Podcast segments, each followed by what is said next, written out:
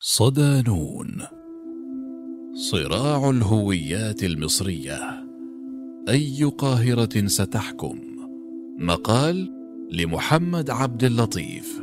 ضمن ملف عمارة القاهرة. الهوية كلمة مشتقة من الضمير هو وهي مجموعة محددات وموروثات ثقافية واجتماعية وحضارية وقواسم مشتركة بين مجموع القاطنين بمكان جغرافي واحد في زمن ما مما يحدد طبيعتهم وشخصيتهم ومنظومة أفكارهم وسماتهم. احتلت إشكالية الهوية المصرية النقاشات السياسية والفكرية منذ القرن الماضي ودارت السجالات العديدة في العقود الأخيرة بشأن صراع الهوية الفرعونية. سوف أسميها الفرعونية هنا اصطلاحا وإنما الاسم الصحيح هو الحضارة المصرية القديمة والمصرية والإسلامية فكيف أثر ذلك على شكل القاهرة؟ بداية علينا أن نفرق بين كلمتي الهوية والطرز المعماري.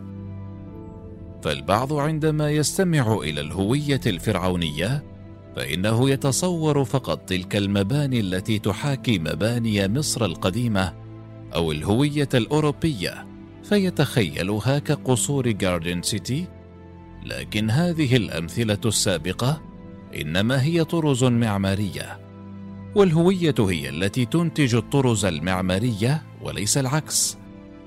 ومن الطبيعي أن تلك الطرز تعبر عن هويات أصحابها. لكن علينا الآن أن نبدأ بالتسلسل الصحيح للأسئلة ألا وهو ما الهوية المصرية الحالية؟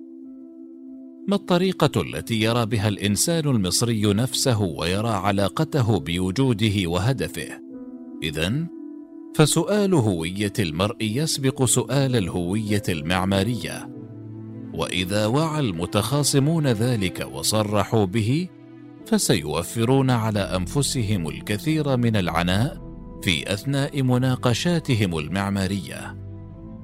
فهل المصري الذي يعيش على أرض مصر عام 2020 فرعوني أوروبي مسيحي مسلم عربي؟ ما الهوية التي يختارها لنفسه؟ ولأن الأجوبة ستكون مختلفة بالطبع عن هذا السؤال. تنتج فوضى الهوية التي تؤدي للفوضى المعمارية التي نعيشها حاليا والتي مع الفارق في التشبيه بالطبع رأى المفكر المعماري أونجرز أن برلين في شكلها الأكثر أهمية هي مدينة مقسمة تتكون من أجزاء متباينة بشكل لا يمكن اختزاله وبسبب عدم اليقين بشأن إعادة بنائها فإنها في حالة عدم اكتمال دائم مستمر. وبشأنها تمر القاهرة بنفس المفهوم والعمليات بسبب عدم وجود خطط أو رؤى طويلة المدى لكيفية أن تكون المدينة. وكذلك كما سنشير تتصادم الأيديولوجيات بين الحكام المتعاقبين على حكم مصر. تعدد الطرز المعمارية بالقاهرة طبيعة مصر اقتضت عليها أن تكون مثل وعاء الانصهار الذي يحتضن الحضارات ثم تخرج مصر مزيجها الخاص بلمسة مصرية. ونستطيع لمس ذلك عن طريق اختلاف الثقافات والطرز المعمارية لنفس الحضارة في بلدين مختلفين كمصر وتركيا على سبيل المثال في العصر العثماني. لقد تعاقبت على مصر الكثير من الطرز المعمارية بداية من الفرعونية مرورا بالرومانية اليونانية والإسلامية كالمملوكية والعثمانية والأوروبية والحدثية وما بعد الحدثية على سبيل المثال. وكل تلك الطرز جعلت بعض المعماريين المصريين يتساءلون أيهم يمثل مصر؟ وبسبب نظرة بعض القوميين المعاصرين نظرة قومية حديثة بمفاهيم عصرنا. إلى الأغيار باعتبارهم محتلين فإن الكثير يعتبر أن الهوية المعمارية الفرعونية بمفرداتها هي الوحيدة التي تمثل مصر. أما الإسلامية فعلى حد تعبير البعض إنما هي حضارة الغزاة العرب. ولن نستطيع الرد على هذه النظرية السطحية في هذا المقال نظرا لخروجه عن الموضوع الأصلي لسطور تلك. وإنما أكتفي بالإشارة إلى أن أكثر طرازين مهيمنين على المعماريين الذين يعتنون بمسألة الهوية في يومنا هذا هما الإسلامي والفرعوني.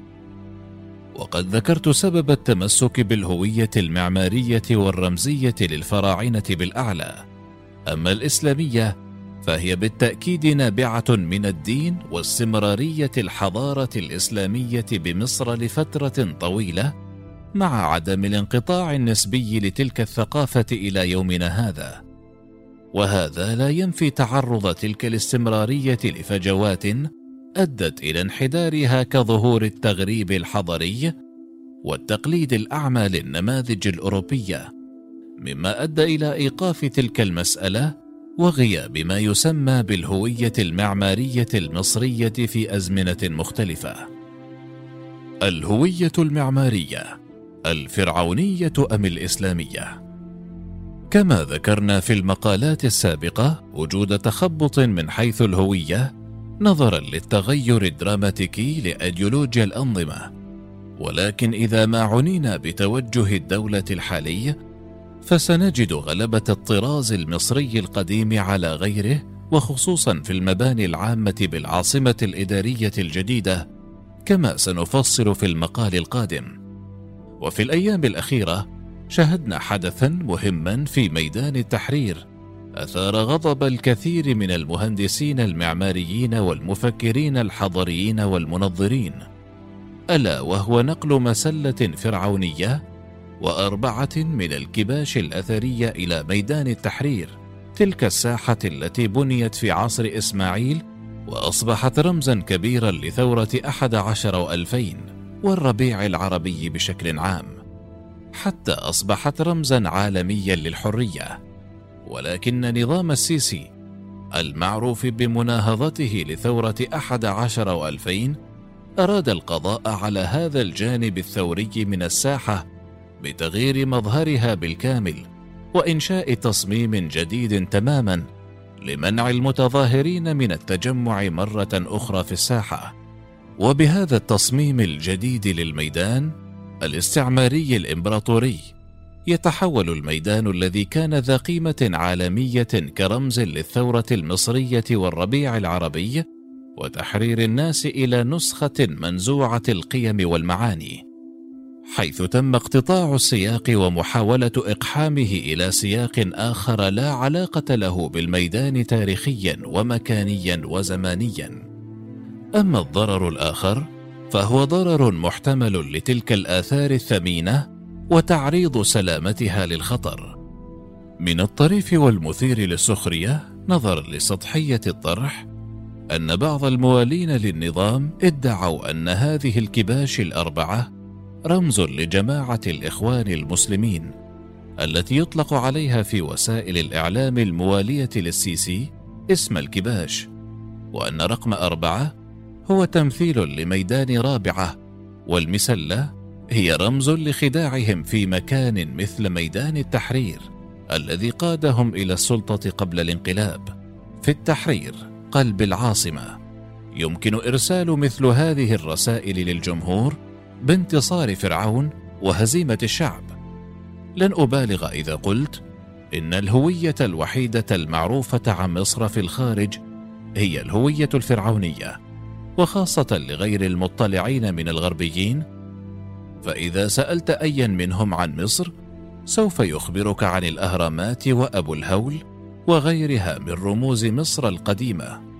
ولا يمكننا لوم الغربيين على جهلهم بالثقافة الغنية لمصر وشعبها الذي يتعدى حقبة زمنية واحدة إلى فترات وحضارات متعاقبة متراكبة تكونت خلالها الشخصية المصرية إلى ما وصلت إلى ما هو عليه في يومنا هذا. لكن اللوم الأكبر قد يكون على الدولة التي تحاول تصدير تلك الصورة في مختلف المحافل الدولية. فالهوية الفرعونية واسمحوا لي أن أسميها الفرعونية هنا لسهولة وصول المعنى هي الملاذ الآمن للمصريين الباحثين عن المجد في ماضيهم. ومشكلتي ليس في تكوين الهوية المصرية بحد ذاتها رغم وجود العديد من الخلافات غير السياسية بخصوص الهوية المعمارية بذاتها كمصطلح. وإنما مشكلتي تكمن في التقليد السطحي والمعالجة الركيكة التي يتم التعامل بها مع التراث المصري الغني. فإضافة مفتاح الحياة وأقراص الشمس والأعمدة الفرعونية لن يثري قيمة الهوية المصرية بل يضرها كما وضحنا في المقالات السابقة. فما الحل؟ وكيف السبيل إلى تلك الهوية المعمارية؟ الطريق نحو هوية مصرية خالصة. أجد باختصار دون الدخول في التفاصيل التقنية التي قد يمل منها غير المتخصصين. أن حل مشكلة الهوية المعمارية المصرية لابد أن يطرحه المعماريون والمفكرون ومناقشته في خلال الأطر السابقة مع وضع عصرنا الحالي في الاعتبار. فمصر والمصريون اليوم ليست قطعا مصر والمصريين من مئات وآلاف السنين. وأرى أنه من الخطأ إعطاء الأولوية للهوية الشكلية حيث إنني أرى في ذلك طرحا سطحيا يغفل عن معنى العمارة الحقيقي. فالشكل مهم ولكن الأهم إعطاء حلول للمشاكل البيئية والمناخية واستغلال الموارد المتاحة بالشكل الأمثل وعرض حلول معمارية تناسب مجتمع اليوم. أما بالنسبة للغة الشكلية للعمارة المصرية فبدلا من الاقتباس السطحي للمفردات القادمة من الطرز الماضية فإن فهم الدوافع وراء إنشاء تلك اللغة وإعادة تفسيرها في ضوء ما سبقنا ذكره في المقالات السابقة سينتج عنه هوية مصرية غير منقطعة عن واقعها بل يشعر المصري بالانتماء لها وتصبح كما قال أنطوان دو سانت إكزوبيري الروائي الفرنسي أن تصبح كل خطوة في المبنى ذات معنى. الهوية المفقودة في زحام الشوارع. ومن ناحية أخرى لدينا الحياة اليومية المصرية التي لا تمثل هذه الهوية المصرية القديمة ربما باستثناء جانب واحد من جهة نظر فلسفية وفكرية ألا وهي فهم وتفسير متعمق لحضارة الفراعنة وعلاقات الملوك والآلهة الفراعنة مع عامة الناس وكيف سيتم ربطها الآن؟ علاقة الحاكم الواحد المواطن في عام 2020 من ناحية أخرى كان قسم آخر من الشعب يدعو إلى هوية إسلامية لمصر حيث تعتبر مصر قلب العالم الإسلامي. ولكن هل تريد الدولة حقا محاربة هذه الهوية عن طريق تأكيد الهوية المضادة الفرعونية؟ أم أن إهمال الهوية الإسلامية مجرد مصادفة؟ أم نقص في الوعي بأهمية هذا الدور الذي إن تم استغلاله بشكل صحيح ستعاد الريادة إلى مصر في الشرق الأوسط؟ هذا ما سنحاول اكتشافه في المقال القادم بإذن الله.